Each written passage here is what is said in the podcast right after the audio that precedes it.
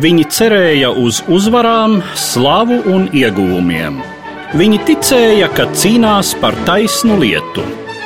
Ticēja, ka šai cīņā tieši viņu pusē ir Dievs. Viņi iemantoja izpostītus novadus un sakropļotas miesas, sāpes, vilšanos, nāvi. Viņi, Eiropieši, pirms simts gadiem.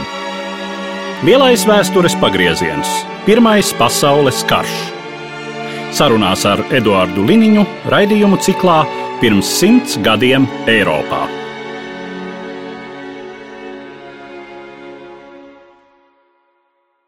Labdien, cienījamie klausītāji! Šodien mūsu tēma sarunai par Pirmo pasaules karu ir Jitlandes jūras kauja.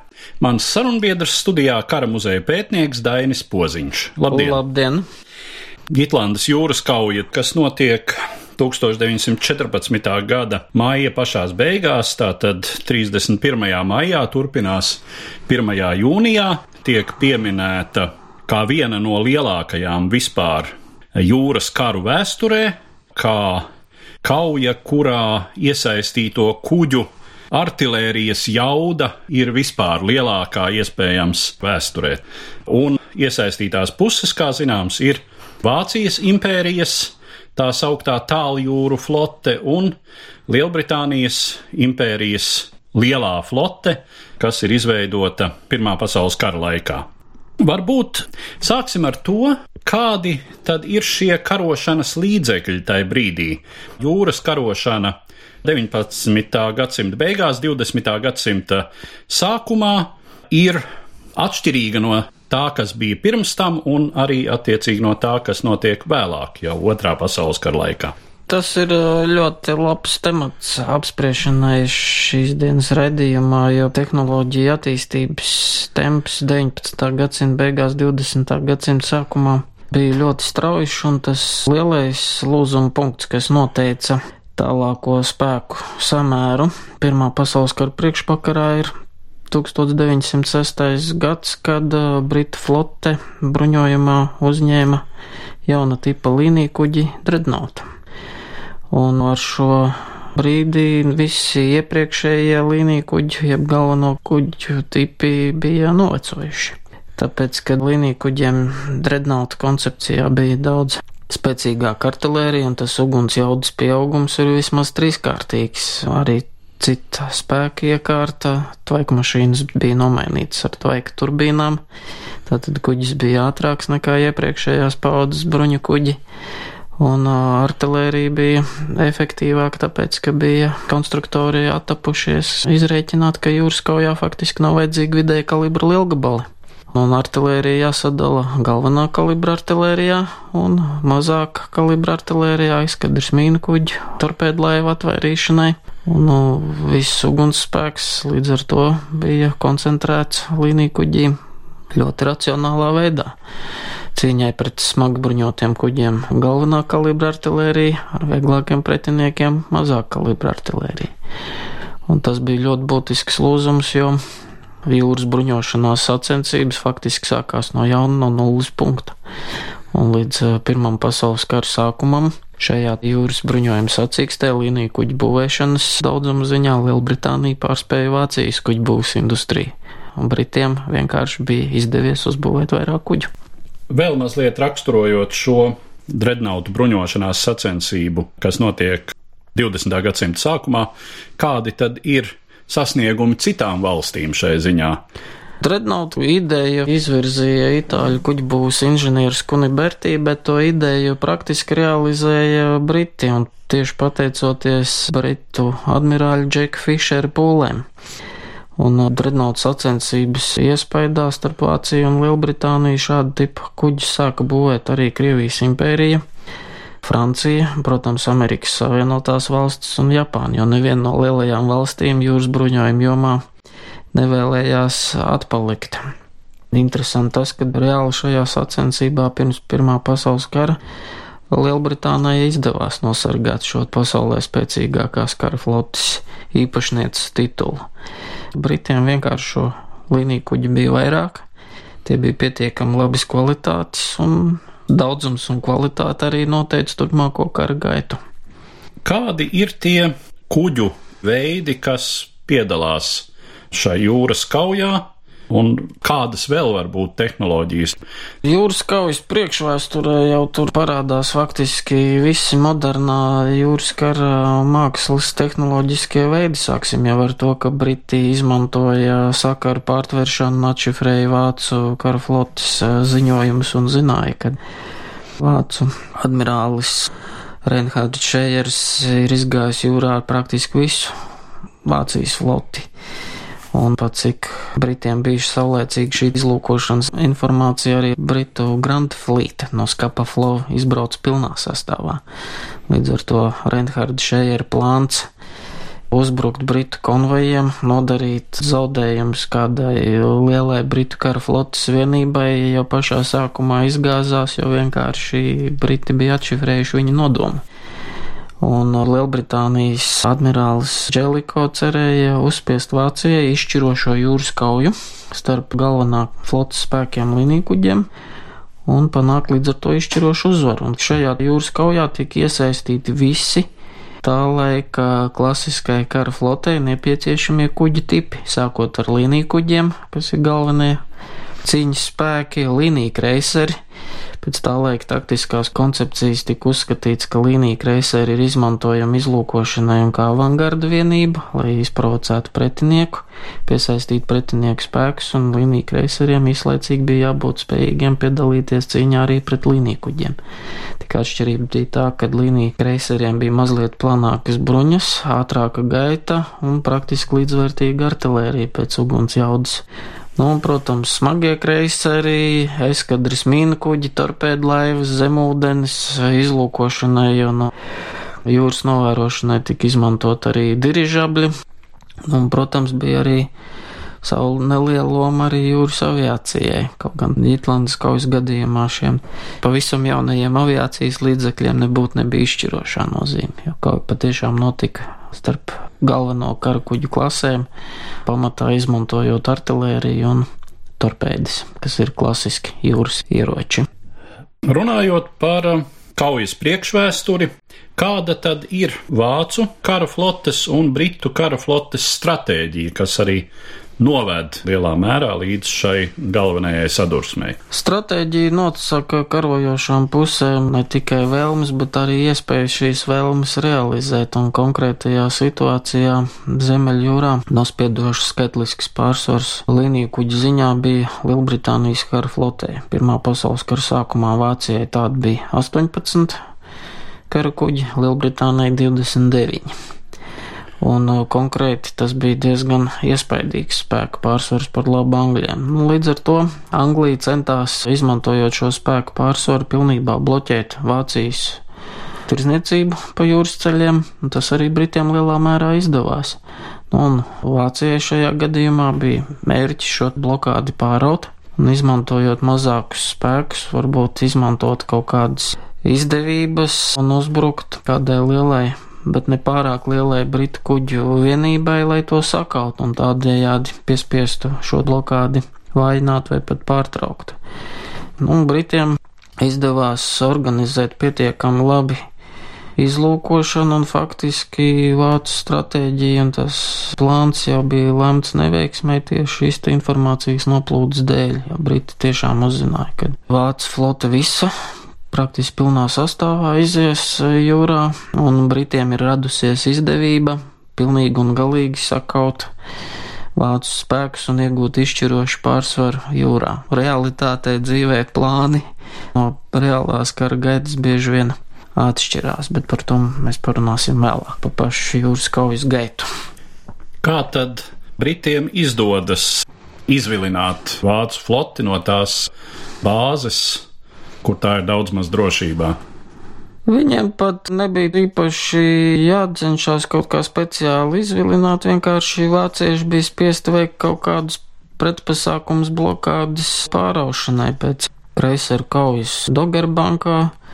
1915. gadā Vācija virsūdens spēki bija diezgan pasīvi, un Britu flote tā kā attiecīgu mērķi nav pārsvarā atradās Skapa flow bāzē, Vācieši sāk pamazām intensificēt zemūdens kara aktivitātes, un uh, 1916. gada sākumā Vācu admirālis Reinhards Šejers pieņēma lēmumu, ka ir pienācis laiks uh, uzbrukt Britu piekrastes ciemiem, pilsētām, kuģniecībai.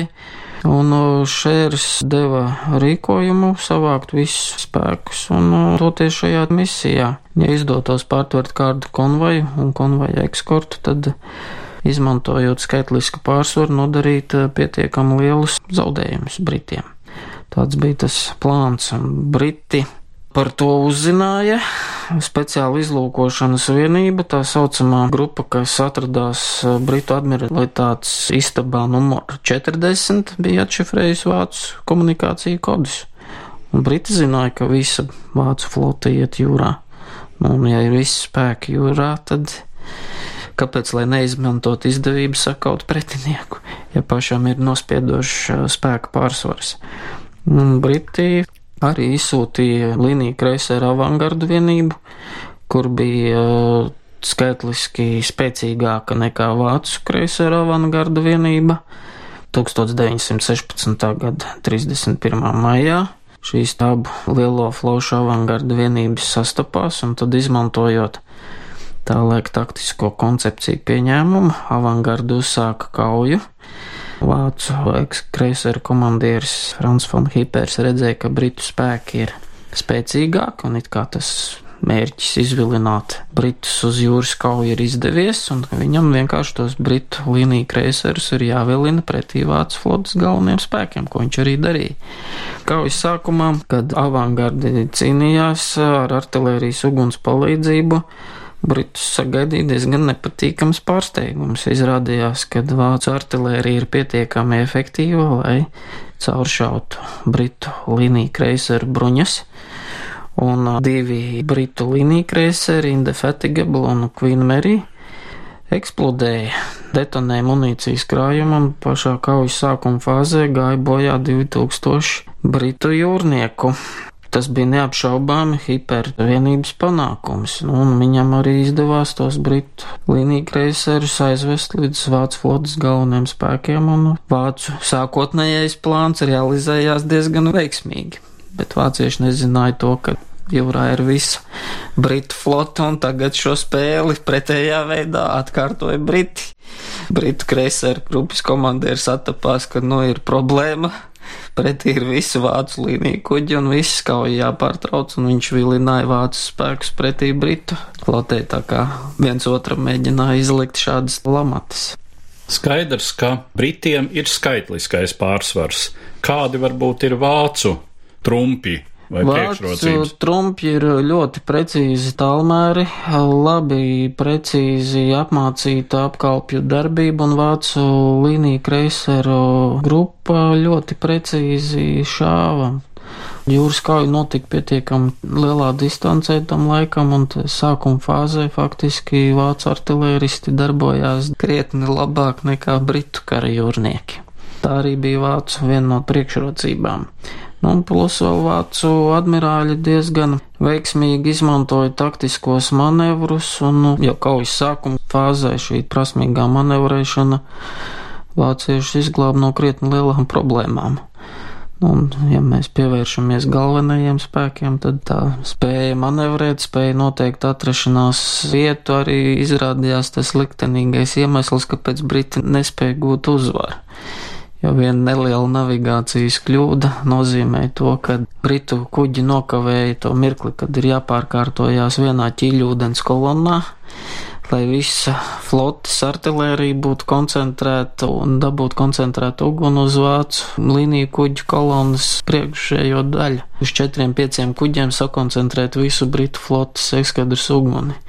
Nelielas kļūdas dēļ to neizdevās izdarīt, briti nokavēja īsto momentu, Šejers attapās, ka ir iekūlies nepatikšanās un diezgan veiksmīgi izgāja no situācijas laiku sākot atkāpšanos, un tā sadursme bija ārkārtīgi īsa.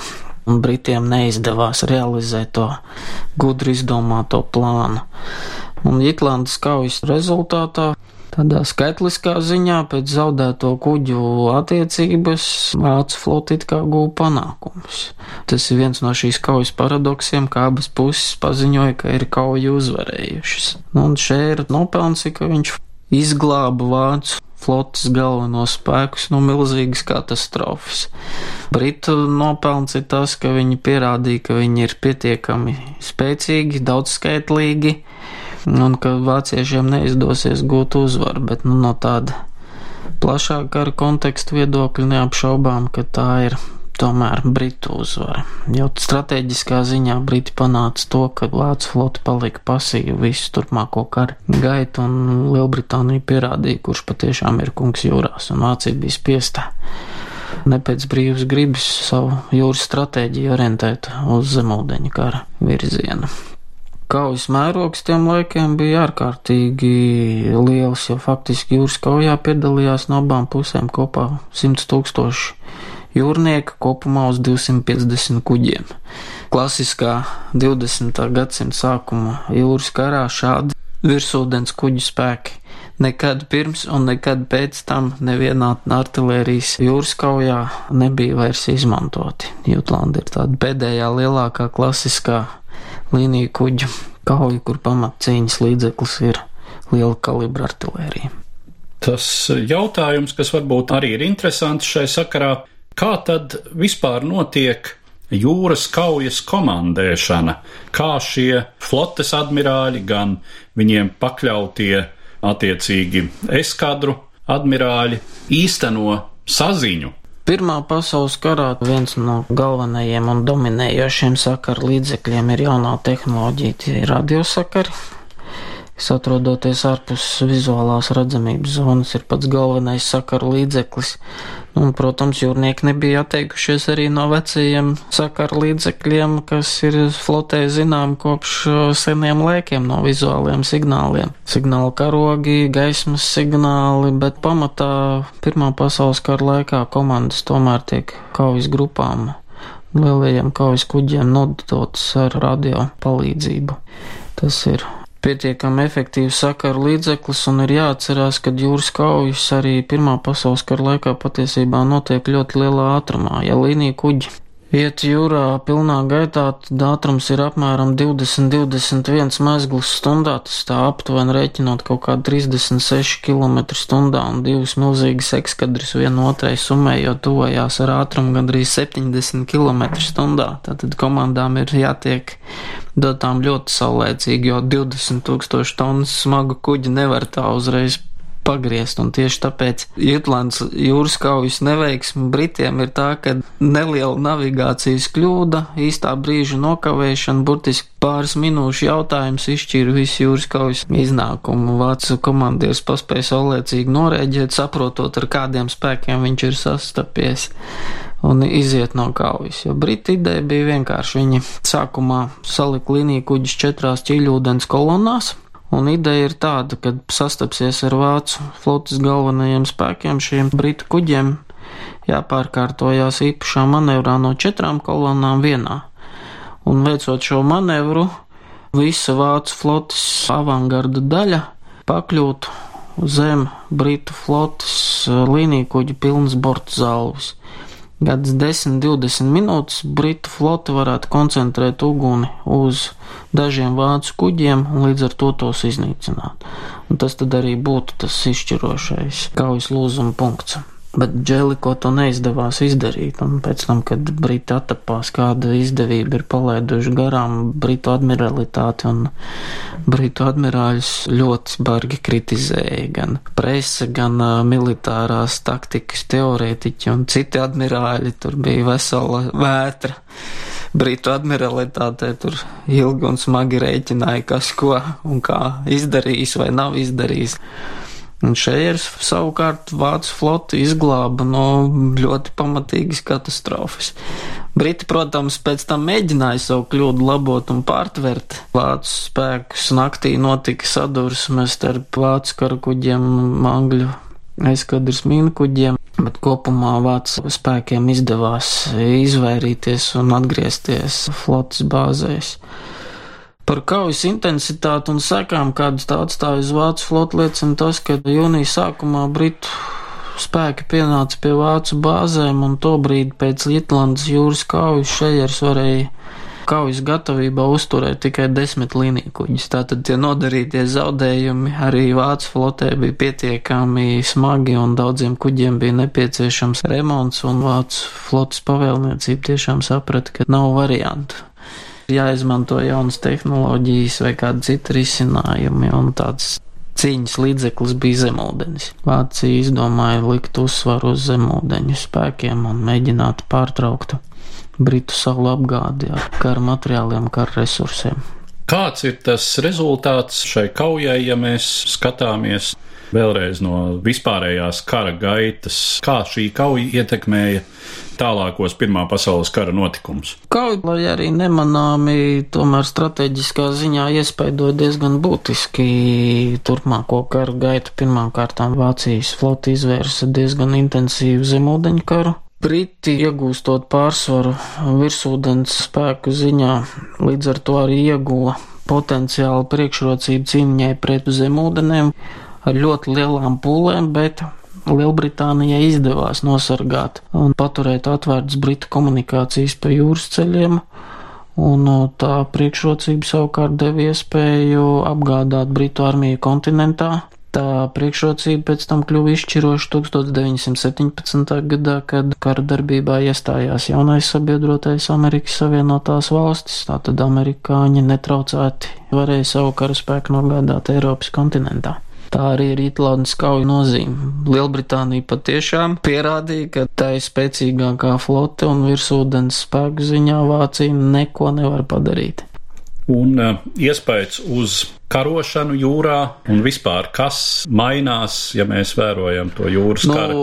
Iespējas uz kara taktiku bija ļoti būtisks, jo pat cik tā bija pēdējā līnija kuģa kauja, tad Jītlandes jūras kaujas pieredze analizē gan Vācu, gan Britu flotas admirāļi, protams, arī citas valstis centās iegūt informāciju par to, cik efektīvi ir darbojusies lielo karu kuģa artilērija, kādas ir karojošo pušu problēmas bijušas šīs jūras jūras kaujas laikā, un, protams, kad izējot no analīzes rezultātiem, tika plānota nākamā taktika gan Pirmā pasaules kara laikā, gan arī to, kā pēc tam attīstījās visas līnija kuģu un līnija kreiseru būvēšanas tehnoloģijas, kā tika pārskatīt kuģu būvs principi, jo Britiem tā tiešām izrādījās nopietna problēma, ka šie līnija kreiseri divi aizgāja bojā, tāpēc, ka eksplodēja munīcijas pagrabi. Brīta admirāli teica, ka izskatās, ka šodien kaut kas nav kārtībā ar mūsu kreiseriem. Kauja tikko sākās un divi kuģi eksplodē. Tā kā visas valstis, kas būvēja lielos kaujas kuģus, no šīs kaujas izdarīja ļoti būtiskus secinājumus, kas atspoguļojās 20. un 30. gadu kara kuģu konstrukcijā kā tika veidots bruņu pārklājums, bruņu izvietojums, korpusa forma, kā organizēt munīcijas izvietošanu kuģos un arī, protams, uz taktiku. Tas atstāja iespēju kā dot komandas, lai efektīvāk organizētu pašu kaujas vadību. Un tas iespējas bija diezgan liels 20. un 30. gados. Vienīgais, kad neviens jūras teorētiķis Pirmā pasaules kara laikā nevarēja vēl aptvert to brīdi, cik liela ietekme vēlāk jūras karā būs aviācijai. Aviācija bija vēl attīstības sākuma posmā un Pirmā pasaules kara beigās ļoti, ļoti maz cilvēku varēja iedomāties, ka līnija kuģi vairs nebūs jau tuvākā nākotnē izšķirošais spēks uz jūras. Tas pavērsiens notiek vēlāk, 20. un 30. gados, kad attīstās aviācija, aviācijas bāzes kuģu būvniecība, jūras aviācijas taktika tiek veidota, un izšķirošais pavērsienu punkts ir otrais pasaules karš, kad faktiski skaidrs, ka līnija kuģa ēra ir beigusies. Tātad par flotes noteicošo spēku otrajā pasaules karā nepārprotami kļūst Aviācijas bāzes kuģi. Līnija kuģi sargā aviācijas bāzes kuģi. Viņi ir svarīgi, nozīmīgi, bet vairs nav izšķirošais spēks. Un ir skaidrs, ka milzīgie ieguldītie resursi līniju kuģu būvniecībā neataisno tā teikt sniegumu, ja ir pārsvars gaisā pretiniekam. Par to sāpīgi pārliecinājās Japāņa aizstāvot Okinavu. Par to jau Briti pārliecinājās arī 41. gadā, kad Briti aizsūtīja līniju kuģis bez iznīcinātāja ekskorta pie Singapūras. Tā kā tās tehnoloģiskās pārmaiņas katrā periodā notiek, un Pirmais pasaules karš vēl ir karš, kad tiek uzskatīts, ka flotes galvenais spēks virsūdens kaujās ir līnija-kuģis, kas ir apbruņots ar galvenā kalibra artilēriju, un kad jūras kaujas iznākumi izšķirs šo flotes galveno spēku artilērijas cīņa, artilērijas uguns. Kāda nozīme kuģu artilērijai ir šodienas kara darbībā?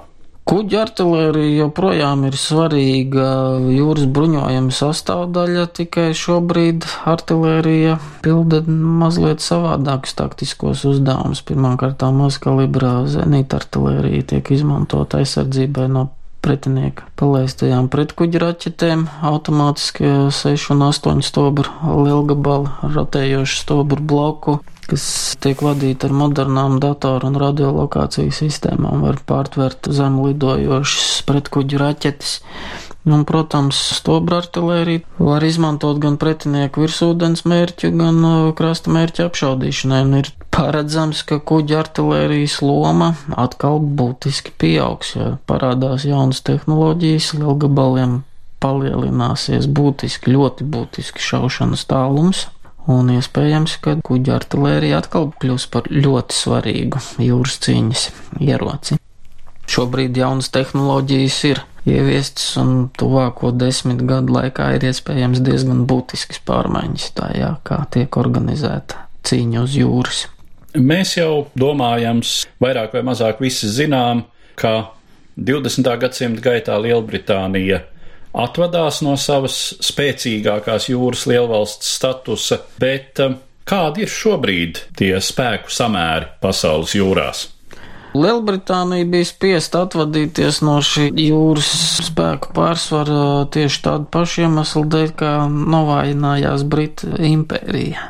Lielbritānija un tās resursi nebija tik spēcīgi, lai uzturētu tik lielu floti, ja ņem vērā, ka arī citas jūras lielvalstis attīstījās, to ekonomikas pieņemās spēkā un vienkārši, ja ir daudz attīstīti un industriāli spēcīgi pretinieki, vienai valstī ir ārkārtīgi sarežģīti uzturēt tik lielu nospiedošu pārsvaru ilgstoši. Britiem tiešām ar grūtībām, bet nācās samierināties, ka viņiem šis jūras superlielvalsts status būs jāzaudē. Nu, kopš Otrā pasaules kara laikiem šis tituls pieder Amerikas Savienotajām valstīm.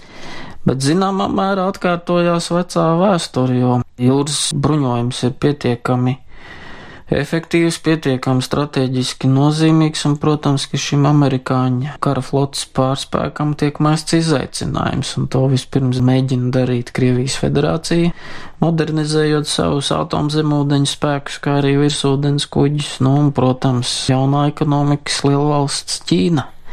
Ķīna veic ļoti būtiskas un ievērojama mēroga investīcijas eh, kara flotas un jūras kara tehnoloģija attīstībā, un progress tur ir milzīgs, tieši tāpat kā aug Ķīnas ekonomika, tā arī aug tādos pašos tempos Ķīnas kara flotas kaujas spējas.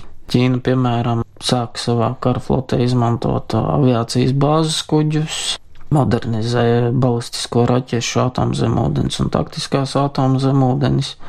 Praktiski šis modernizācijas process Ķīnas flotē skar visas galvenās mūsdienu karakuģu klases. Protams, ka arī Amerika neguļ uz lauriem, tāpēc jūras tehnoloģijās ir vairāki būtiski jaunievedumi. Vispirms tiek samazināta kuģu redzamība radiosignālu frekvencēs, tātad tiek izmantotas stelas tehnoloģijas jaunu kuģu būvs materiāli, kas mazāk atstaro radioviļņus, tā tad ir iespējas, ka varēs labāk paslēpties no radiolokācijas stacijām lielākā attālumā. Tāpat tiek modernizētas kompjūteru datoru sistēmas, jūras karš tiek automatizēts, ļoti liela nozīme ir datorsistēmām, pretgaisa aizsardzības sistēmām. Faktiski tas process jau ir tik intensīvs, ka mūsdienu jūras kaujā intensīvā raķešu uzbrukuma apstākļos cilvēks vienkārši nevar izsekot tik daudziem mērķiem, un šo darbu jau lielā mērā veids kompjūteri, kā pasargāt kuģi no raķetēm. Tas ir lielā mērā automatizēts process. Ar to tad mēs arī varētu noslēgt šodienas raidījumu, kas bija veltīts pēdējai lielajai tradicionālo kara flotu sadursmē, proti Jitlandes jūras kaujai Pirmā pasaules kara laikā, un es saku Paldies manam sarunbiedram, kara muzeja pētniekam Dainim Poziņam. Lūdzu, un paldies par uzmanību! Ticība un cerības, vilšanās un nāve, zaudējumi un ieguvumi. Pirms simts gadiem Eiropā. Raidījumā šīs dienas acīm sarunājamies par Pirmo pasaules karu.